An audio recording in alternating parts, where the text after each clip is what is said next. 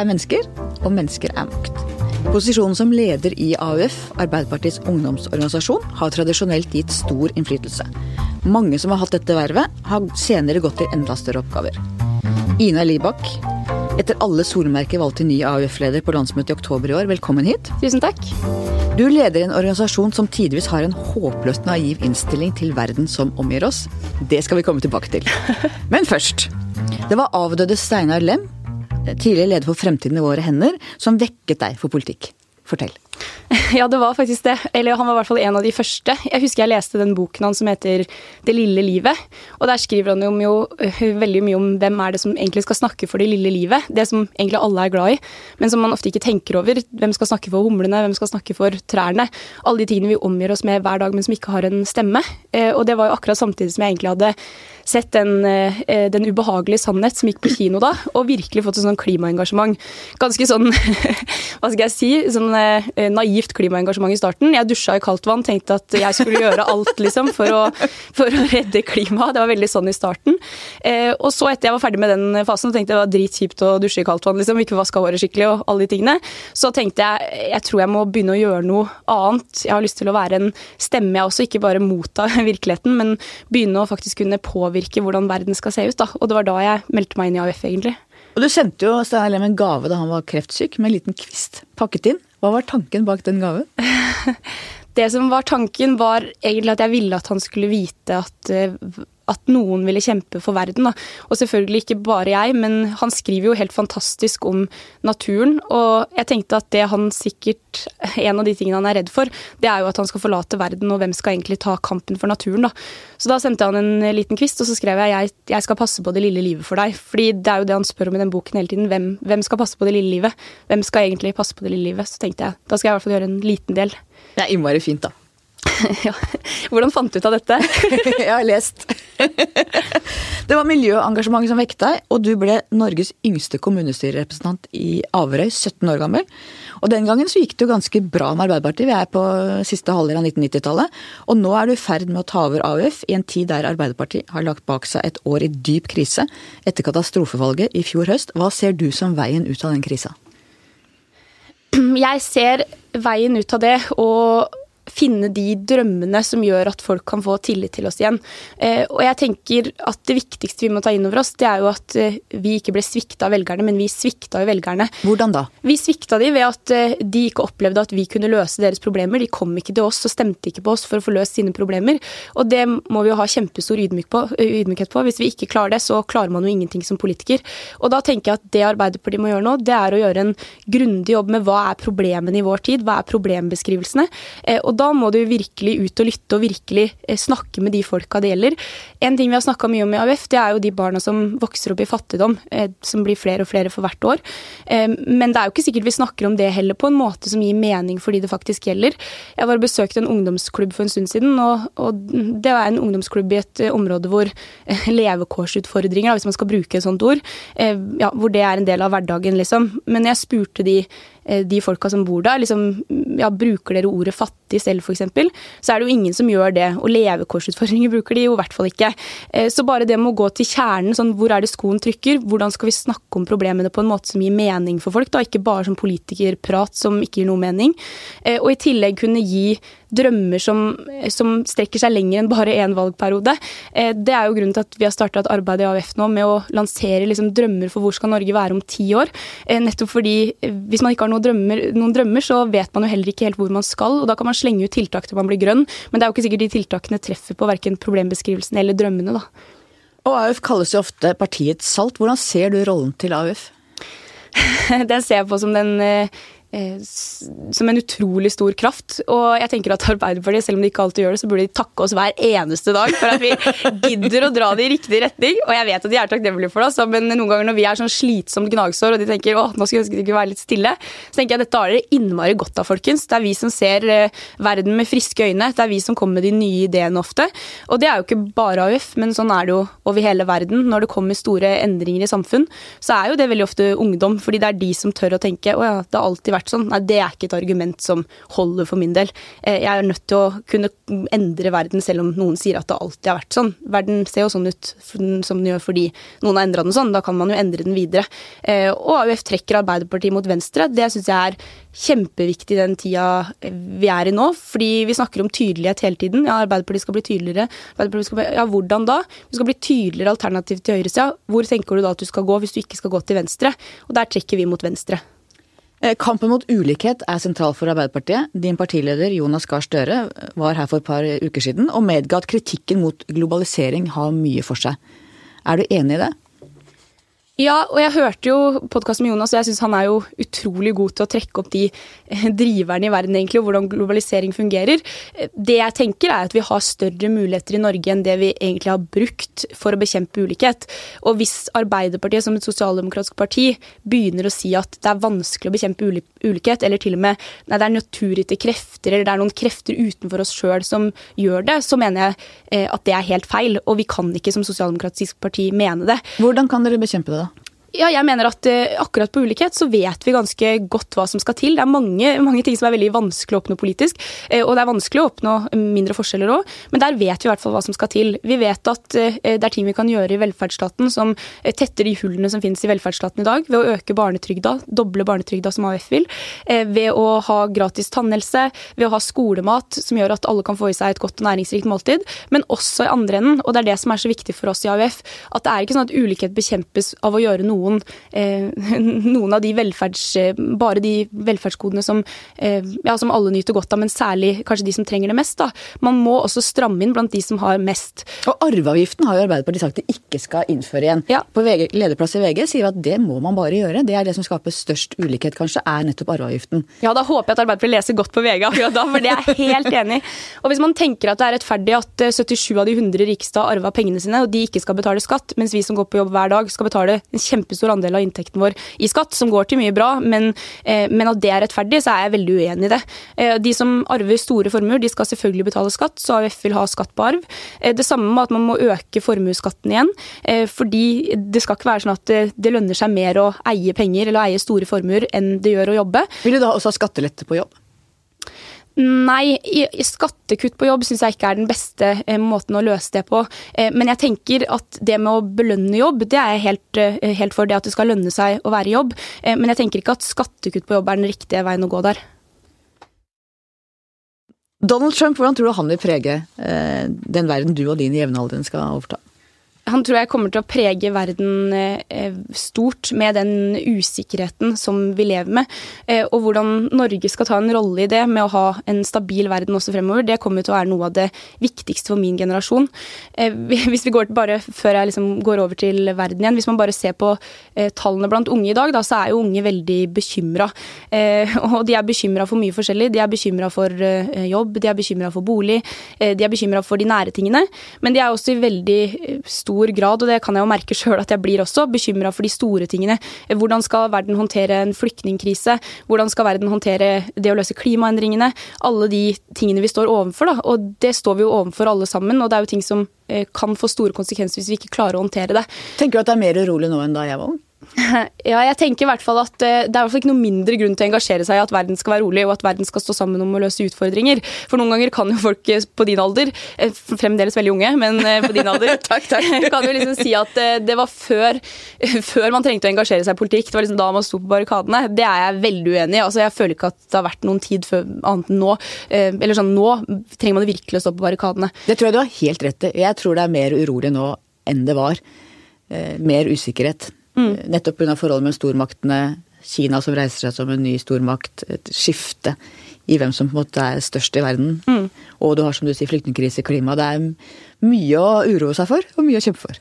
Jeg mener at EU blir stadig mer nødvendig i den verden vi lever i. Hva tenker du om EU og norsk EU-medlemskap? Nei, jeg tenker ikke det er riktig å gå inn for norsk EU-medlemskap. Og det er jo fortsatt et kjempestort flertall i Norge som ikke vil ha norsk EU-medlemskap. Det tror jeg er, er, av en grunn, og jeg er glad for at AUF er i takt med folket der.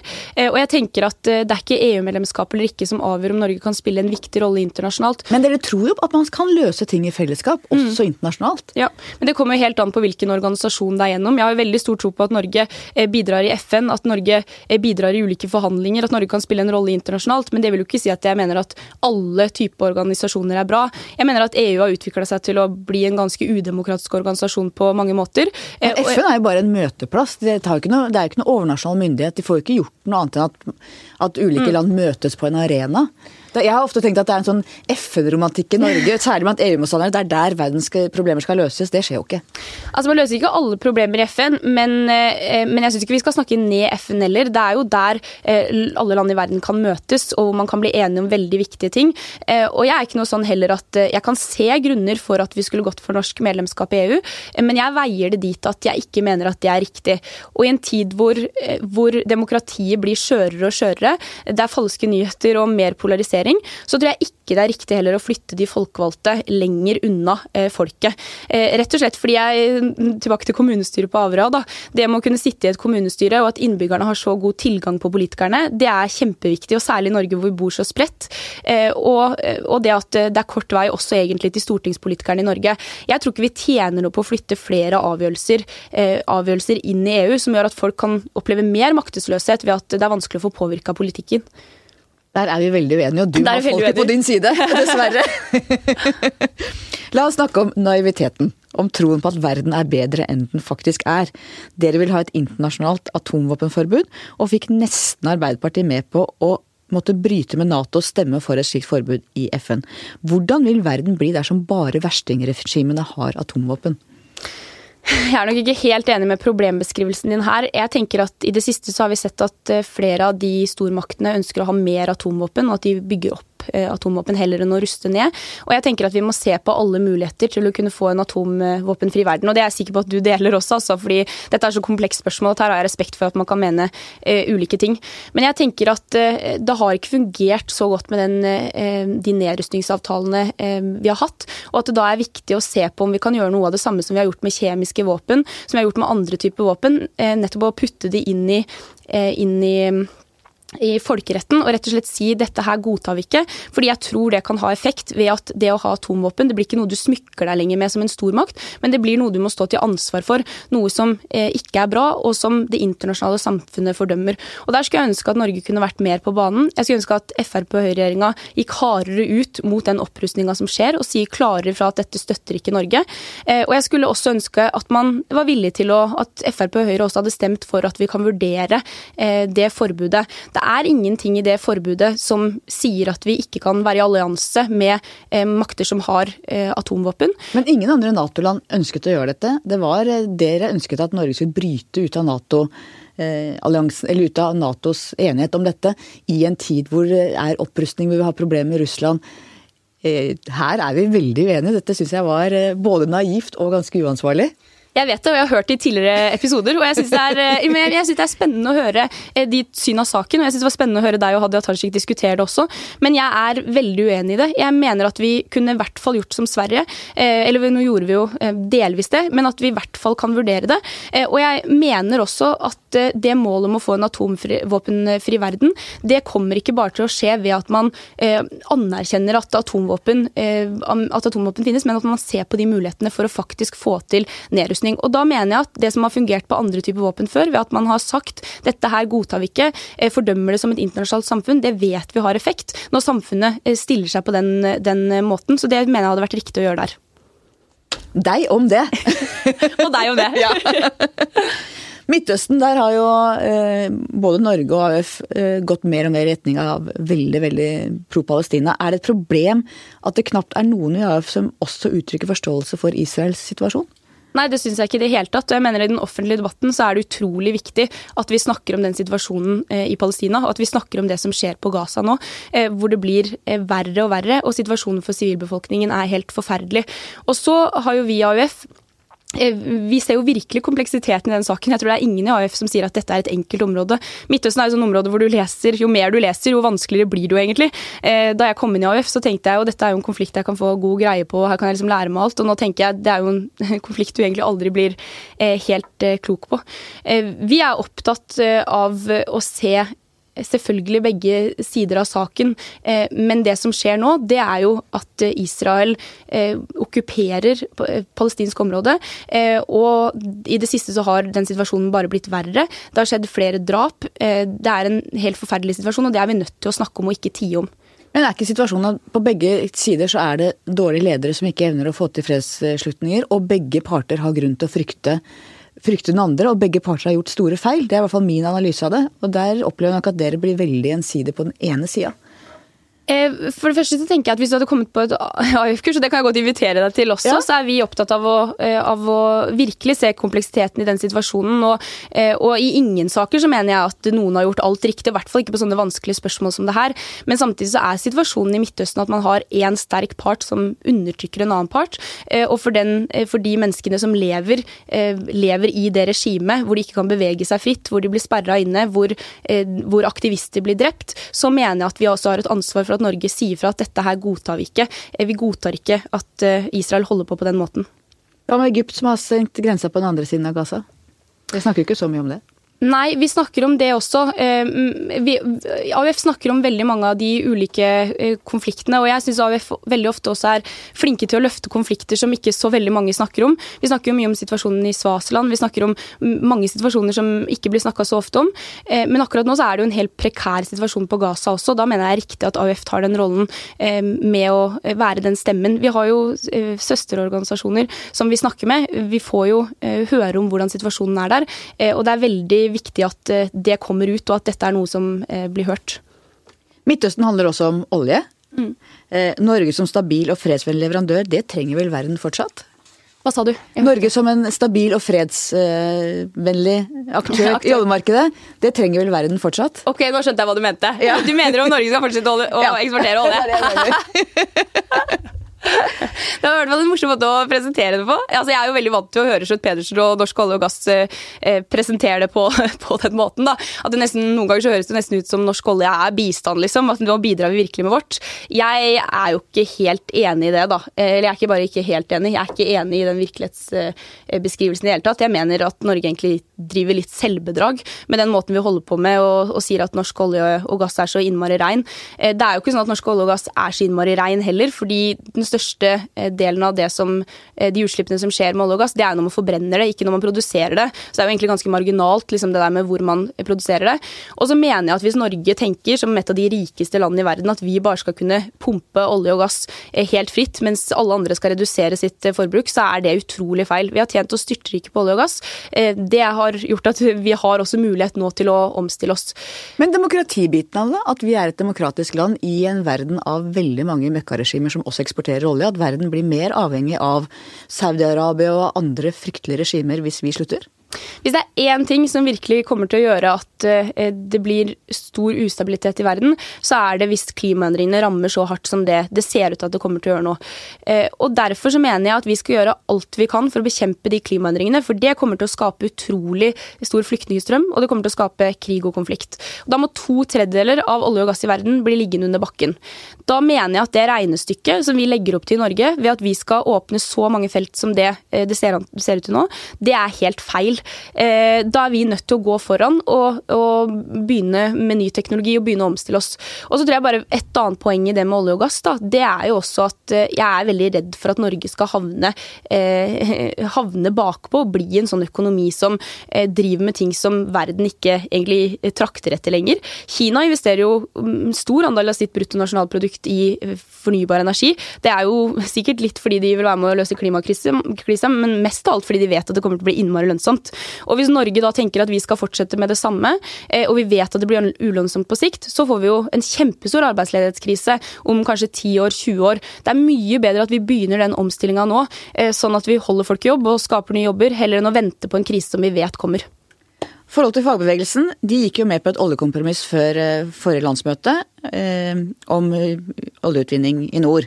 Og nå utfordrer dere dette. Da utfordrer vi i virkeligheten også forholdet til fagbevegelsen. Hva tenker du om det? Jeg tenker ikke at uh, hver eneste sak man er uenig om, utfordrer forholdet. Jeg, tenker det samme der med fagbevegelsen som med EØS og andre ting. At hvis man bare skal sitte stille og ikke klare å være uenig om noen ting, så går ikke verden fremover. Og det vet jeg at fagbevegelsen også mener, så, så de, de, tror jeg bare rett og slett er klar for debatt. Og det er jeg også klar for. Jeg har stor respekt for at de forbundene som har mange som er organisert Eh, som jobber innenfor olje og gass. Selvfølgelig har de interesser i at vi skal fortsette å åpne nye felt. Eh, jeg mener at vi skal omstille mye pga. også arbeidsplasser, som jeg sa i stad. Eh, fordi vi trenger å omstille oss på en måte som gjør at vi holder folk i jobb. Der er jeg klar til å diskutere med fagbevegelsen, men, men jeg er helt sikker på at stemninga kommer til å være god. fordi vi er uenige om noe, men, men sånn er det også. I de beste forholdene er det der man krangler mest, er det ikke det? jo. Det er i hvert fall der man kan møte hverandre med respekt ja. og ta opp konflikter. Legge alt på bordet. Du er født inn i arbeiderbevegelsen din. Faren din, faren din, Arvid Libak, var aktiv i AUF. Han var statssekretær i flere departementer under rød-grønn regjeringa. Moren din, Ingrid, er ordfører for Arbeiderpartiet i Averøy. Og du møtte statsminister og statsråd knapt før du kunne gå. Kunne det blitt noe annet enn AUF for deg? Jeg bare ble sittende og tenke på det der født inn i arbeiderbevegelsen. Det høres liksom ut som jeg er født på Folkets hus. Det er liksom ikke, altså. Eh, jeg hadde jo en lang periode før jeg ble med i AUF hvor jeg vurderte de fleste andre partier fordi jeg egentlig hadde lyst til å ta et annet valg. Hva lå nærmeste? Eh, jeg var jo på SU-møter, så var jeg på litt møter i Senterungdommen, hadde litt kontakt med de. Og så eh, var jeg mye i Natur og Ungdom og brukte tida mi i andre organisasjoner.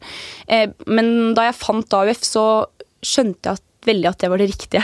At det var liksom der jeg hørte hjemme, og der jeg opplevde at jeg også kunne forandre på den måten som jeg ønska eh, å forandre.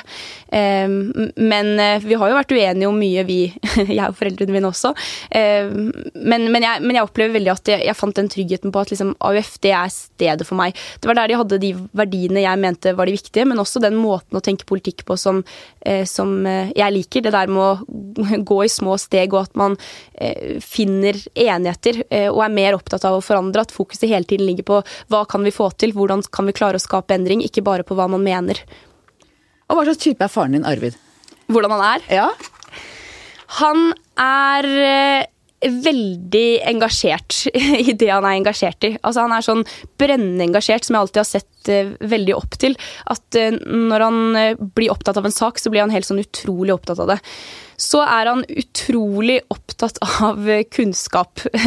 Eh, alltid om å lære mer, og veldig opptatt av å si man kan aldri tenke at du har lært eh, nok, og du må alltid lære mer. De som, eh, de som er flinkest i politikk, det er de som kan mest. Ja. Og moren din, hva slags type er hun? Hun er utrolig god med mennesker. Hvis det er én ting jeg har tatt på meg veldig fra henne, så er det at hun er veldig ydmyk når hun møter folk. Alltid veldig spørrende. Eh, lurer på hvordan livene til folk er. Har veldig respekt for hvor ulike mennesker er. Eh, og alltid en sånn derre ja, omsorg for folk rundt seg. Og hvem av dem tenker du at du ligner mest på? Jeg tenker at jeg er i midten, egentlig.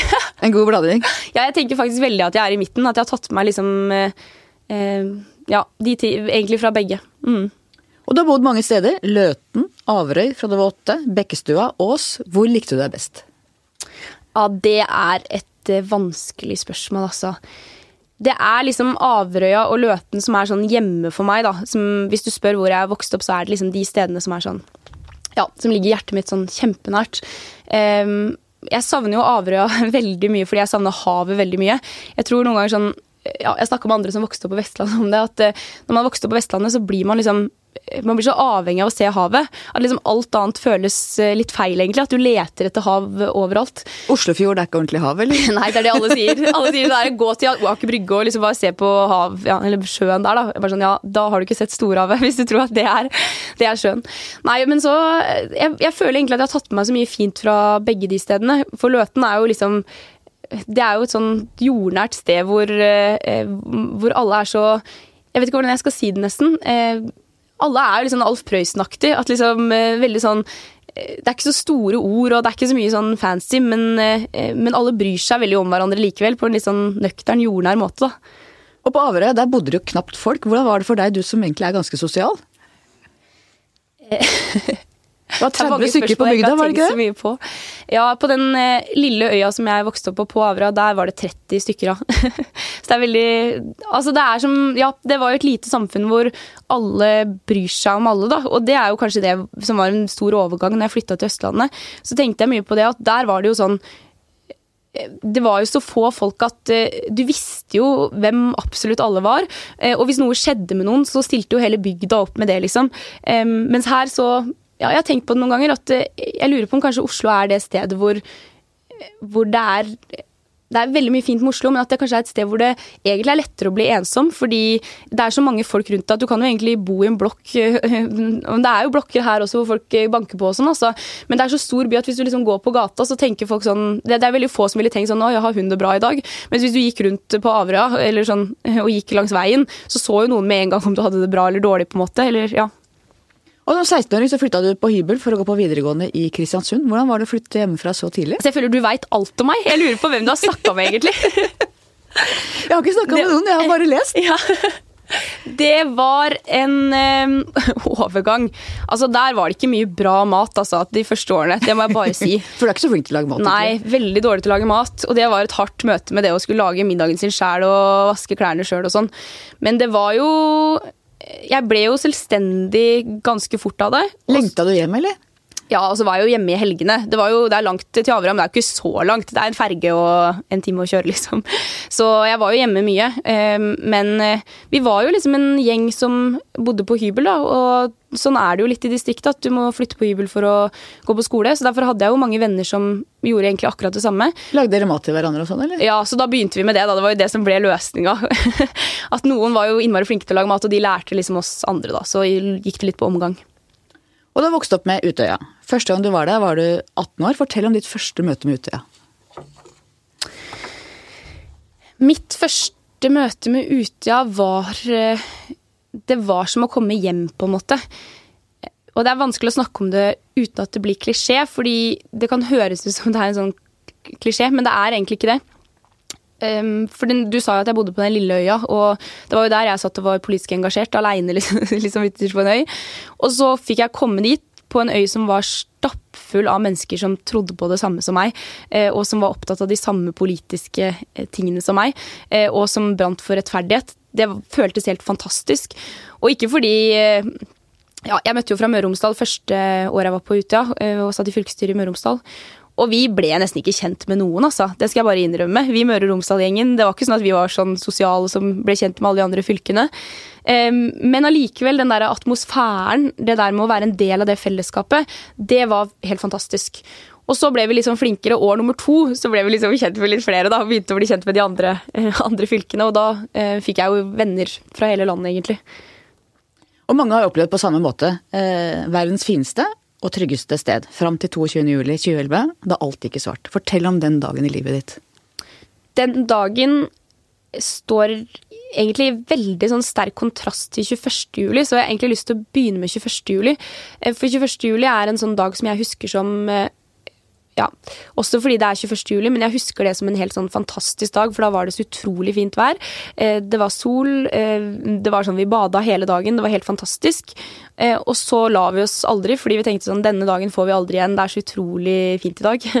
og ja, la oss aldri. Og så kom 22. juli og begynte med høljeregn. Og det begynte liksom med at vi bare snakka om sånn oi, hvordan skal vi klare dette? og det er så mye regn, og vi tok på støvler og regntøy og liksom alt, alt det der. Um, og da, allerede da så var det på en måte kontrast. Uh, og så kom jo det angrepet i Oslo.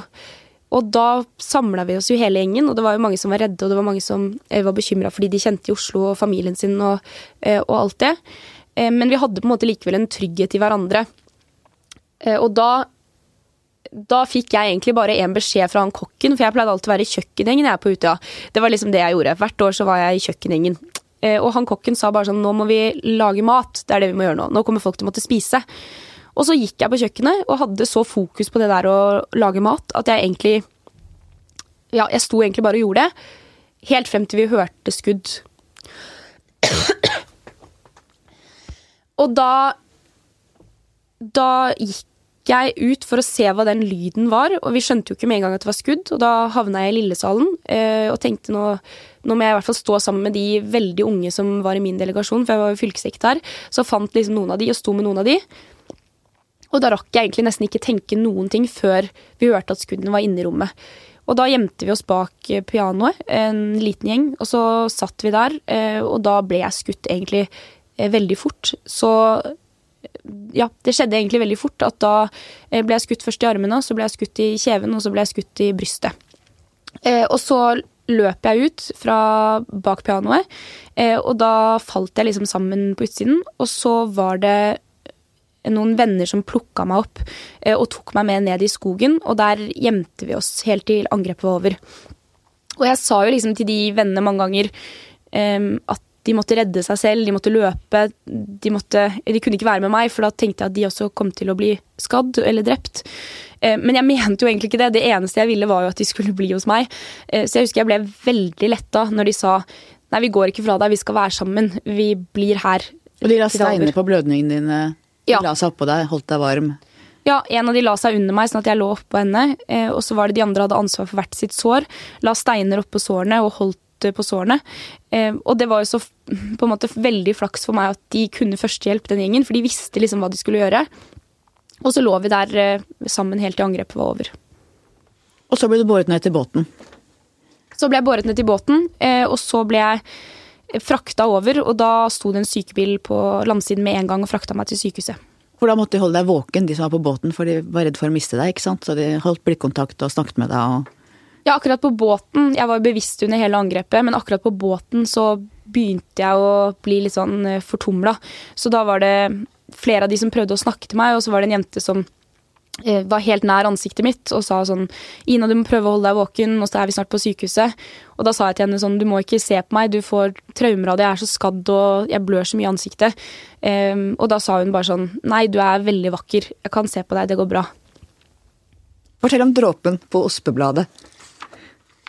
Ja, eh, når jeg lå der, så var det liksom sånn at jeg prøvde å tenke på noe som var fint. Eller jeg vet ikke hvordan jeg skal forklare det, fordi jeg tenkte jo hele tiden at jeg kom til å dø. Jeg tenkte at jeg var for hardt skadd.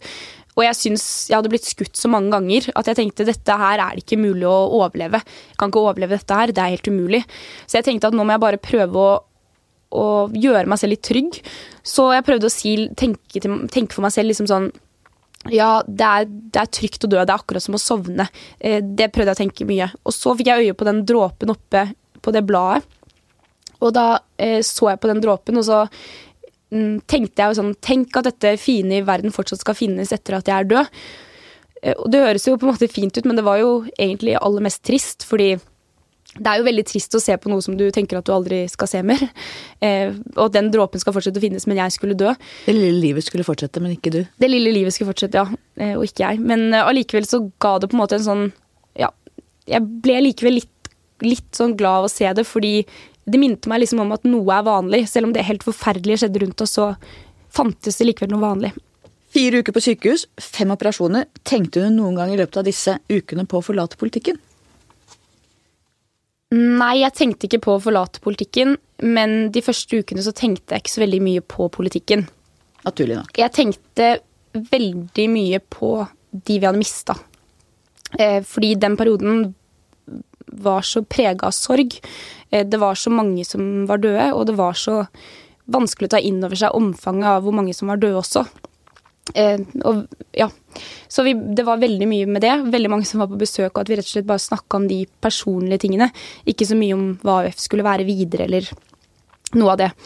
Men når jeg først kom ut av sykehuset, så var jeg veldig opptatt av at jeg ville tilbake til AUF. Og det var jo ikke et valg som passer for alle, eh, så jeg har veldig stor respekt på at folk tok ulike valg i den perioden og gjorde det som var riktig for de. Jeg gjorde jo også det som var riktig for meg. Det var jo ikke altså, ren godhet for AUF, det var jo fordi jeg ønska å komme tilbake til AUF. Og du reiste rett tilbake til Utøya sammen med en gjeng med en gang du kom ut av sykehuset. Hvordan var det å se en øya da?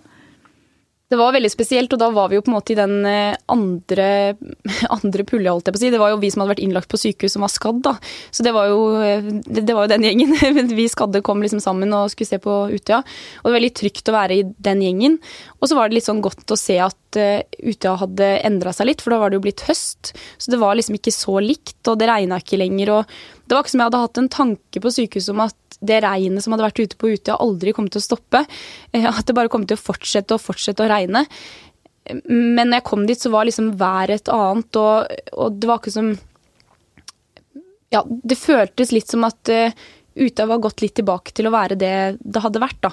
Så jeg følte at det var veldig godt å komme tilbake. Men det var jo selvfølgelig en lang prosess, det der med å komme tilbake på sommerleir og alt det, og det det er jo riktig at det var en lang prosess også, for det, det var jo ikke enkelt i det hele tatt. Og vi måtte jo finne en balanse på alle tingene. Nei, virkelig ikke. Heller ikke for meg.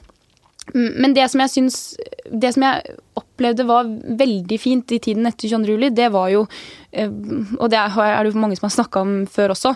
Eh, men jeg opplevde også en støtte i hvordan folk i Norge reagerte på 22. juli. For det var jo noe som eh, berørte hele Norge. Det er jo ikke bare en del av AUF sin historie, det er jo en del av hele Norges historie. Og måten folk svarte på, den medmenneskeligheten, hvordan folk tok vare på hverandre. Eh, alt det som ble skrevet, sagt, alle de tingene. Det, det syns jeg var helt fantastisk å se, egentlig. Og det ga en veldig sånn støtte til meg også, egentlig personlig. Du har gitt arrene dine navn? ja. ja, det var en ja, det var eh, Jeg syns, eh, jeg syns jo det var rart å skulle leve med de der store arrene, jeg skal innrømme det. Ikke at det har vært noe jeg har tenkt masse på. Men jeg tenkte jo at jeg hadde lyst til å gi de noe eh, noen navn som var positive, fordi jeg overlevde jo tross alt, så ha de arrene er jo en liten pris å betale mot at jeg fikk lov til å leve. Og da tenkte jeg at jeg hadde lyst til å kalle de for solidaritet og samhold, da. de to arene. Eh, fordi det er jo de verdiene som ble angrepet, egentlig, og hele grunnen til at eh, jeg ble angrepet. Og vi ble jo angrepet som et mål, for det var jo et politisk angrep. Eh, og det var jo det, at vi trodde på solidaritet, at vi trodde på samhold, trodde på mangfoldet. Og da tenkte jeg at det at de verdiene overlevde, da hadde jeg lyst til å gi de arene de navnene. Under rettssaken var du den som fikk salen til å le, både gråte og le. Du fortalte om hun norsk folkehjelpdama som sa 'nå ligger vi jævlig stille', ja. og hun pleide ikke å banne. Og da fikk du dem til å le. Du utstrålte energi og en livskraft i ditt vitnemål i retten. Hvor hentet du kreftene fra den gangen? Jeg føler akkurat det der med å vitne i rettssaken det var mye lettere enn det jeg hadde trodd. fordi det var jo ikke noe man skulle prestere. Det er jo mye i politikken som kan eh, være litt sånn å, hva skal jeg si der, og der må jeg prestere. Men akkurat det i rettssaken var jo bare å fortelle hva jeg hadde opplevd. Og jeg skal ikke si at det var enkelt, fordi det var jo mye som var vondt å fortelle om, men det var likevel ekte, på en måte. da, Så det var jo bare rett frem å si det jeg hadde opplevd. Og der var det jo mm, ting som Det var jo forferdelig mye vondt, men så var det også de der små dryppen av liksom, f.eks. hun fra Norsk Folkehjelp, da, som sier 'nå må ligge jævlig stille', og alle bare 'ok, ok, ok', skjønte alvoret, liksom. Ok, det, det pleier ikke du å si. og Derfor syns jeg det var litt godt at den stemninga i rettssalen ble så naturlig at det var rom for å både gråte og le. da. Og jeg tror det er derfor, jeg, derfor jeg også henta liksom de der kreftene til å fortelle, var jo i det at jeg opplevde at eh, folk tok imot meg som et helt menneske, da, og det syns jeg var veldig fint. fordi 22. Eh, juli handler om utrolig mange følelser, eh, og tiden etterpå handler om utrolig mange følelser. Og det der med å klare å møte hverandre med at eh, det er lov å ha det gøy innimellom, det er lov å være utrolig trist innimellom, det er lov å være sint, alle de tingene, og at alt det er naturlig, at man ikke får en sånn utrolig stram linje på hvordan man skal føle etter 22. juli. Det opplevde jeg liksom var i den rettssaken ved at folk turte å le litt, men de turte også å gråte litt, og ja, det ga meg veldig trygghet, da. Hvordan har du håndtert det som skjedde i ettertid? Hva mener du håndtert? Hele opplevelsen du hadde, hvordan har du håndtert det med deg sjøl i årene etterpå? Mm, ja, det er jo et utrolig godt spørsmål, da. Jeg veit ikke om jeg har et så veldig godt svar. Jeg hadde noen ting som jeg syntes var viktig, og så eh, alt annet lot jeg litt sånn flyte, egentlig, og tenkte at noe kommer til å gå seg til, og noe må jeg bare finne ut av etter hvert. Men jeg hadde noen ting som var viktig. Og en av de tingene som jeg syntes var utrolig viktig, det var at jeg skulle klare å snakke om det jeg hadde opplevd.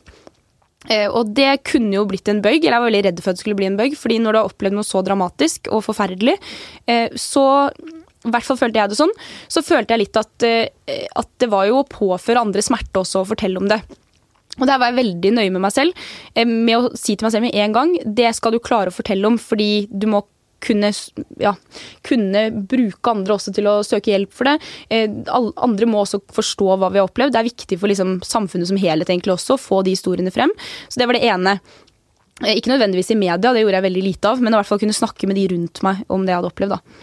Og så det andre, det var at jeg eh, tenkte at jeg ville fortest mulig komme i aktivitet igjen, sånn at jeg kunne få være til nytte for andre. For hvis det var én ting jeg var veldig redd for, så var det at jeg fra nå av skulle bare være et sånn offer, på en måte. Eh, og det er jo liksom Jeg trengte jo masse hjelp, og jeg var jo skutt i begge armene, og jeg tok jo muntlig eksamen på universitetet, jeg kunne jo ikke skrive. Det var jo mye sånt, men at jeg tenkte jeg må jobbe igjen med en gang, jeg må studere igjen med en gang. Eh, jeg må vise at jeg også kan eller egentlig ikke vise, men jeg må se selv at eh, jeg er et, fortsatt et helt menneske, at jeg kan få omsorg. Og jeg kan eh, føle meg eller trenge hjelp innimellom, men jeg kan også gi det samme til andre. Noen ganger er det jeg som kan stille opp for folk. Og det var jo sånn, Jeg gjorde jo litt andre ting eh, i stedet for å studere den første tida. Eller studerte litt, men i tillegg så jobba jeg på SFO, for eksempel, da. Eh, og det var jo noe helt annet enn det jeg hadde gjort før. Eh, men det var så utrolig godt å komme tilbake til liksom det der å kunne gi noe til de ungene. Kunne stille opp for andre. Egentlig så har det, Den følelsen der har jeg liksom tatt med meg videre i det politiske engasjementet. egentlig, fordi jeg tror veldig at når mennesker ikke får mulighet til å gi noe til andre, eller være til nytte, da, det gjør så mye med egenverdet ditt at, eh, at det egentlig har blitt et sånn grunnleggende engasjement etterpå med de unge som står utenfor arbeidslivet. De som ikke får mulighet til å bidra med ressursene. da, At det må være et fokus hele tiden. fordi den følelsen der, den den er eh, så forferdelig å bære for de det gjelder. Og Hvordan preger det livet ditt i dag?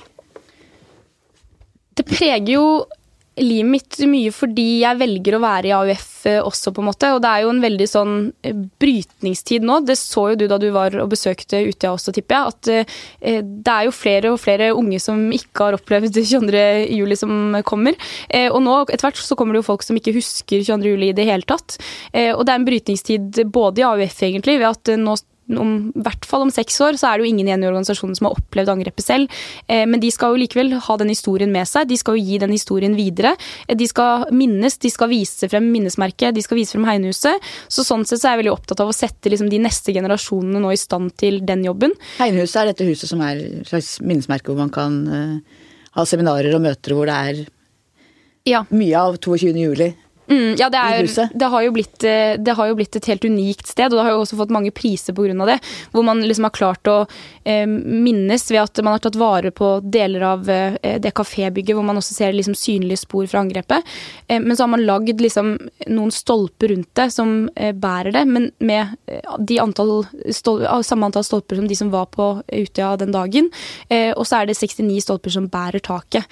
Eh, så Det er et utrolig sånn symbolsterkt, flott hus, og som brukes både til å minnes, men det brukes også til at skoleklasser og andre kommer dit for å lære om demokrati eh, og snakke om hvordan man selv kan ta til motmæle. Og det er jo det ute er i praksis. Vi både minnes der, men vi snakker jo også eh, om veien videre, da. Og det tenker jeg liksom for Norge nå. Det er en brytningstid i Norge også. Eh, det er aviser som innimellom skriver at Norge aldri har hatt et terrorangrep på norsk jord. Eh, det, det har vi hatt. Ja, det har vi hatt, eh, men man glemmer at det var det. Det er andre aviser som skriver at eh, Eh, at eh, liksom skriver ord som liksom 'hendelsen' eller eh, akkurat som det bare er noe som skjedde. Og der er det jo veldig viktig for meg at eh, vi i AUF, men egentlig alle, har et ansvar for å minnes det som det det var.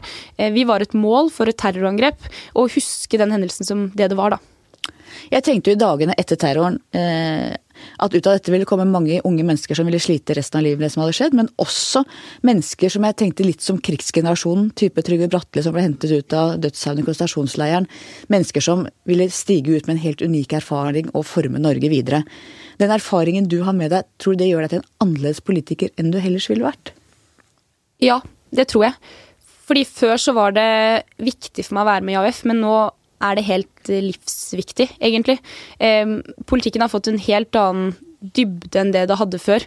Eh, før så brant jeg veldig for ting og hadde et uh, utrolig stort engasjement. Men nå tenker jeg at det å kjempe for et samfunn hvor menneskeverdet står sterkt, hvor vi tror på mangfoldet Vi kan ikke ta de tingene for gitt. Og vi må passe på alle steg som tar oss vekk fra det samfunnet vi tror på. Og særlig nå i en tid hvor det er høyrepopulistiske partier som vinner frem i hele Europa. Eh, og noen av de er jo eh, på grensa til høyreekstreme, eller egentlig over grensa til høyreekstreme.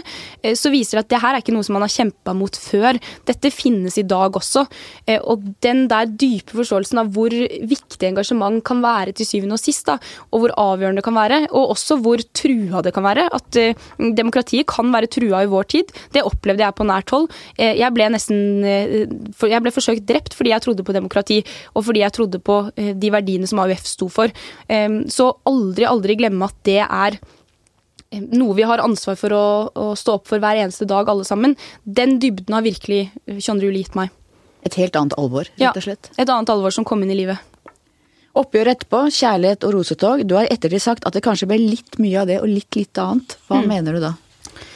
Egentlig så mener jeg, egentlig så mener jeg to ting. Eh, det ene er at jeg tror kanskje at eh, de som sleit en del etter 22.07, som du også snakker om, og som jeg synes det er viktig at vi fortsatt snakker om, for det er jo mange som sliter fortsatt, at det kanskje ble rom for litt for få følelser. At det eneste du kunne føle, var kjærlighet. Og etter, etter å ha opplevd, eh, opplevd 22.07, så er det jo naturlig å føle på andre ting også.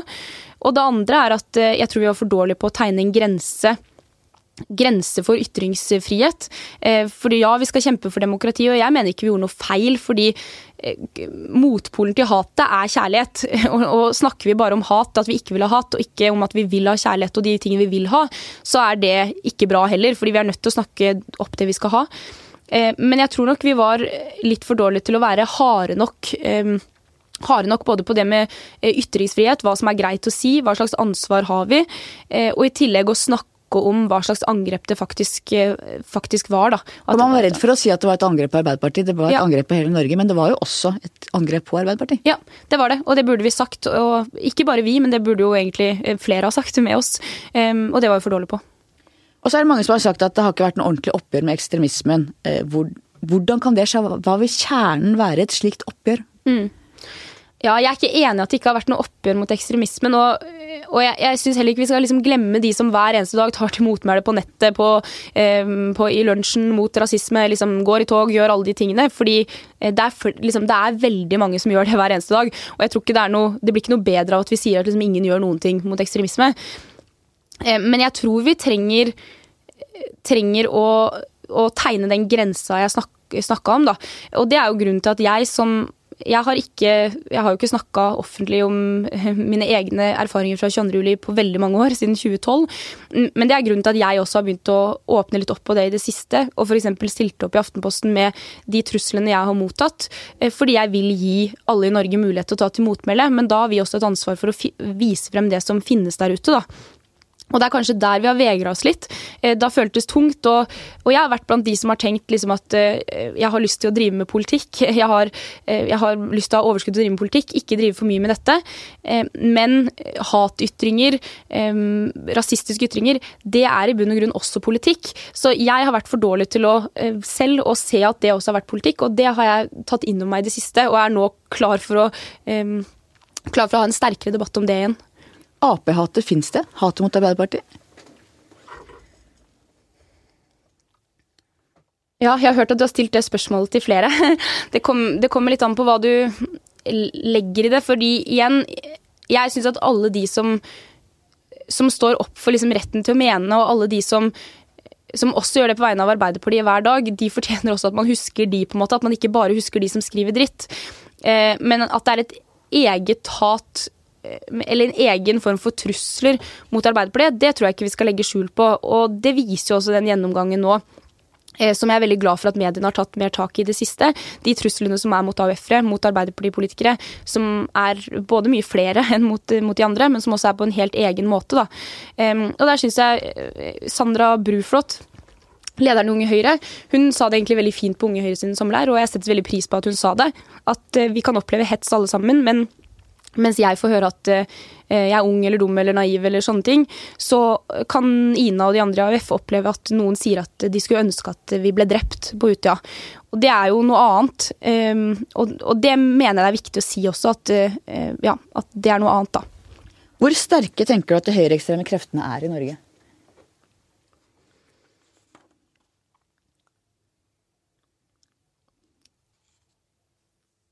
Jeg tenker at uh, Norge er et samfunn med, med, tillit, og der vi fortsatt har tillit til hverandre. Det jeg er bekymra for, det er uh, veien videre, egentlig. Eller tida fremover.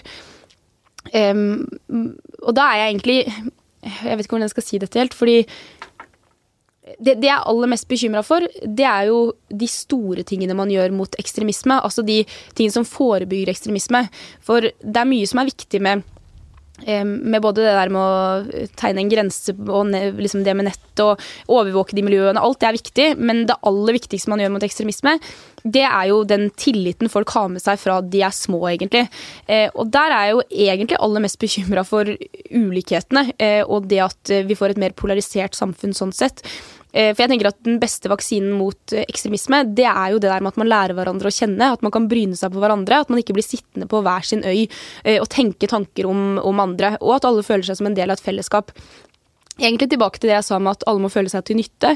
Eh, at én av ti unge er utenfor arbeidslivet, det er jeg veldig bekymra for også i en sånn ekstremismekontekst, egentlig. Fordi det med å bli gående hjemme og ikke føle deg til nytte, du føler ingen har bruk for deg, hva gjør det med et menneske? Jo, du begynner å søke fellesskap. Eh, og det at man da begynner å søke eh, ekstreme fellesskap. Så, så jeg er egentlig mer bekymra for de der utviklingene. Det at unge er utenfor, det at unge ikke ser lyst på fremtida, som er en annen undersøkelse som har kommet. At unge, én eh, av tre unge tror jeg det er, ser mørkt på fremtida eller er bekymra for hvordan fremtida blir. Det er egentlig det som skremmer meg mest. For det er de store massene av folk som ikke har tro på at samfunnet kommer til å gi dem en jobb, ikke tror de kommer til å få en bolig, eh, ikke tror at fremtida blir god for, for de da. Eh, og der må man virkelig sette inn støtet, fordi det er jo ungdomsgenerasjonen vi er nødt til å ta tak i. og eh, og, og, ungdom skal jo være de som har mest tro på fremtida, egentlig. Det skal jo være de som skal tenke at jo, selvfølgelig blir fremtida bedre. Man skal jo ikke være sånn fortidslengtende når man er ung. Det kan jo liksom de gamle ta seg av. Mens nå er det egentlig motsatt. Nå tenker ungdommen at det var bedre, bedre før. Og da er vi litt over på skole òg. Altså én av tre gutter faller ut av videregående. Særlig gutter med innvandrerbakgrunn. Hva kan vi gjøre med det som samfunn?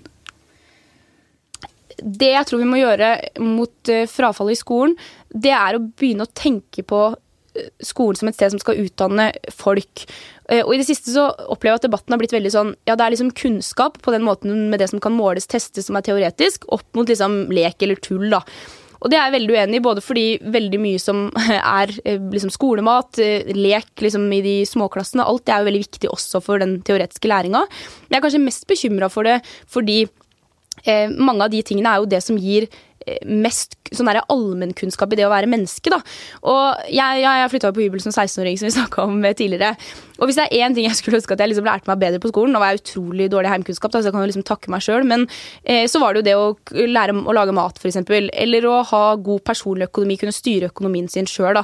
Det er jo sånne ting som eh, egentlig har utrolig mye å si for hvordan du klarer deg som menneske. For livet? Dem, ja, for livet, egentlig. Demokratiforståelse er jo det samme, at man bruker mye tid på det for å kunne delta i demokratiet. Det er jo en av grunnene til at Norge har så sterkt demokrati, er jo at vi lærer mye om det i skolen og bruker mye tid på det i skolen. Eh, mens i det siste så opplever jeg at eh, kunnskap nesten har blitt en sånn ting som bare er liksom rene seksere i matte eller helt sånne ting. da. Eh, og Derfor tror jeg vi må tilbake til å tenke at skolen skal være et sted hvor alle kan finne sin plass. Det kan være at din plass er at du skal bli fagarbeider, det kan være at din plass skal være at du skal ta høyere utdanning. Det kan være at din plass også kan være at du dropper ut av skolen, for du klarte det ikke akkurat da, men du fikk allikevel en veldig viktig jobb med noe som, som du kan bidra med i samfunnet. Eh, og, og, endrer vi liksom den tankegangen, så tror jeg også at de andre tingene kommer eh, litt sånn av seg sjøl. At da skjønner vi liksom hva som er riktig å gjøre. Ja, det er riktig at alle skal få en lærlingeplass. Det er riktig at eh, at man skal ha mindre teori på yrkesfag, men ikke mindre teori i den formen, men at man legger det opp på en annen måte. Eh, men det er også riktig å beholde en del av de fagene som gjør at mange opplever mestring. Da. At man beholder eh, sløyden f.eks., eller beholder en del av de praktiske tingene. Kanskje har havregrøt til frokost. En del av de tingene gjør også de andre fagene lettere, fordi da har du, har du det som skal til da, for å klare også de fagene. Du er utdannet sosionom og jobbet for noen år siden fem måneder på psykoseavdelingen på Ahus. Hva så du der? Hva lærte du om mennesker om livet som ikke du visste fra før? Jeg lærte jo Eller jeg fikk på en måte oppfriska en kunnskap som jeg hadde fra før, eh, om at Eh, det med å få det vanskelige livet, det kan skje oss alle sammen. Eh, og det gir en sånn fornya også kraft til å kjempe for den velferdsstaten vi har. Fordi den må være for alle, for vi vet aldri eh, hvem som kommer til å trenge den aller mest. Vi vet ikke hvem som blir sjuke. Man vet ikke hvem som får psykose heller, egentlig. Fordi, fordi det kan egentlig ramme hvem som helst. Og så lærte jeg veldig mye ydmykhet i møte med mennesker, egentlig. At når du skal snakke med mennesker om eh, hva de tenker, hva de vil, drømmene de har, eh, alle de tingene, så bør vi ha litt sånn ydmykhet til alle sammen, fordi vi har så forskjellig utgangspunkt.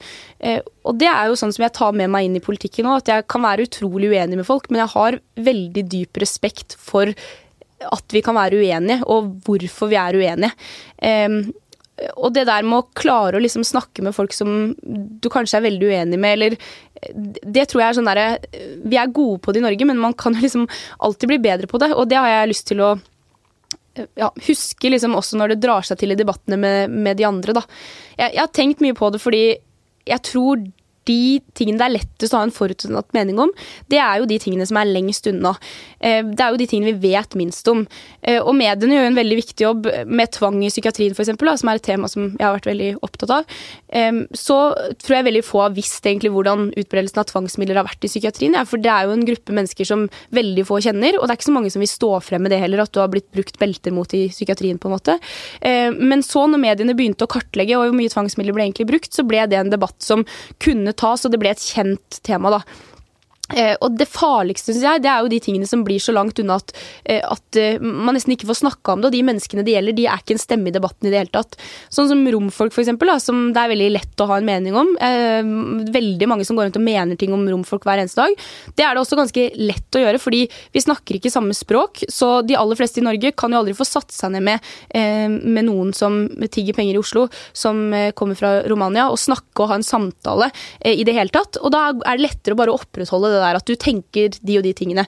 Og Derfor så tenker jeg at det viktigste liksom, vi må gjøre fremover, eh, i tillegg til det der med å utjevne forskjeller og alt det for å forebygge ekstremisme, det er jo det der med å hele tiden hente stemmer frem i lyset, fordi alle stemmene er skumlere i mørket. Eh, og det er jo en gruppe mennesker som tar veldig stor spalteplass i aviser og på TV og overalt og på nettet. Og det er jo de som har ressurser og penger, sånn som det alltid har vært. De har masse kapasitet til å sitte og skrive om hvor jævlig eiendomsskatt det er og, eh, og alle tingene. De har ressurser til det, penger til det, alt det der. Eh, men da er det også noen stemmer som blir borte, som ikke får den spalteplassen de egentlig fortjener. Da. Og der, det tenker jeg er liksom viktig fremover, og noe som jeg tenker at vi i AUF også må bli flinkere til. Gå liksom inn alle de stedene som kan virke litt farlig. Snakke snakke med de som eh, prostituerer seg i Oslo, snakke med de som sitter i fengslene, snakke med de som eh, Og virkelig få de stemmene frem, for det er først da du klarer å lage god politikk, og at du klarer å se det hele bildet. Hva ser du som viktige norske verdier? Norske verdier? I hvert fall ikke brunost, svin og alkohol. Eh, jeg tenker det er en viktig Nei, norsk verdi du spør det veldig vanskelig. For de aller fleste verdiene vi tenker er norske, er jo også internasjonale. Men, det, men jeg spurte Gro om det samme, hun sa det, ja. men, da sa jeg, men det kan jo også være viktige norske verdier selv om det er internasjonale? Ja, det er sant. Ja, det er faktisk det er et veldig godt poeng. Det er ikke eh, eksklusivt norske, men det er verdier som er viktige i Norge ja. for oss. Ja, det er sant. Nei, jeg tenker eh, at noe av det viktigste verdien i Norge, det er den tilliten vi har til hverandre. Eh, at du, når du møter en mann på gata, så tenker du 'han vil meg vel' som et utgangspunkt. Du tenker ikke 'hva skal han der gjøre med meg'? Eh, og så er det det derre eh, likeverdet. At i Norge så har vi ikke, eh, har vi ikke det der at vi eh, Hvordan skal man si det? Eh, at vi har sånn ja, det der med at det er kort vei fra toppen til bunnen, da. Eh, og alt med liksom fra arbeidslivet mellom arbeidsgiveren og arbeidstakeren, men også sånn generelt sett. Jeg tror han Mimer Christensen som, som sa det der med at i Norge så er det ikke sånn at du booker sånn dypt når kelneren kommer, eller at, du, nei, at kelneren gjør det for deg, eller at du liksom har den der veldig sånn verdigheten overfor noen, at noen liksom er mer verdt i rang. da, eh, Og at i Norge så er det sånn kleint å gjøre, egentlig. At eh, der bare behandler vi alle behandler vi hverandre likt. da. Det er jo også en veldig sånn god norsk verdi. Og Hvordan ser du religionens plass i det norske samfunnet?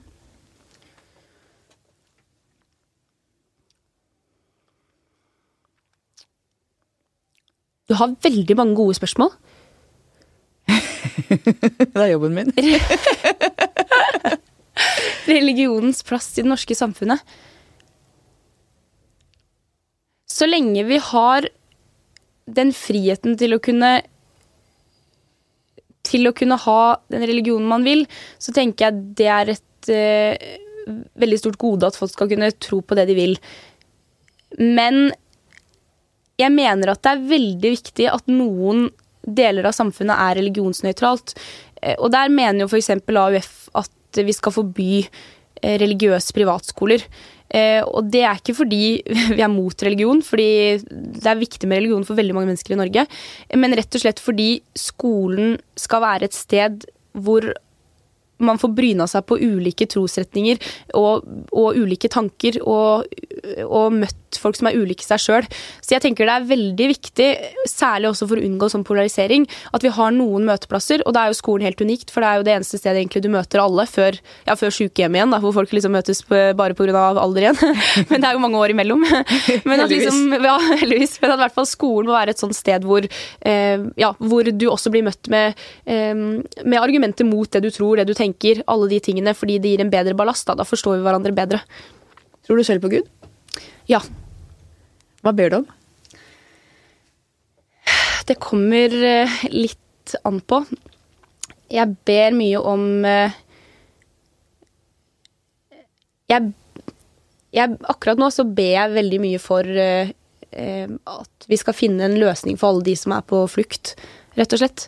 Som en sånn ting. Og så ber jeg jo noen ganger for egoistiske ting òg. Ting som jeg tenker kunne blitt bedre for meg òg. det er vel innafor, det. Ja. Til slutt, mitt faste spørsmål. Hva skal bli historien om deg? Ina Libak, det var hun som Altså, det er veldig vanskelig å se for meg at jeg skal ha en historie, så jeg vil rett og slett eh, bare si at eh, jeg vil bli huska som eh, hun som gjorde det beste for de rundt seg. Tusen takk for at du kom. Takk til deg som hørte på. Takk til researcher Grete Ruud og til vår fastprodusent Magne Antonsen. Vi høres igjen neste uke.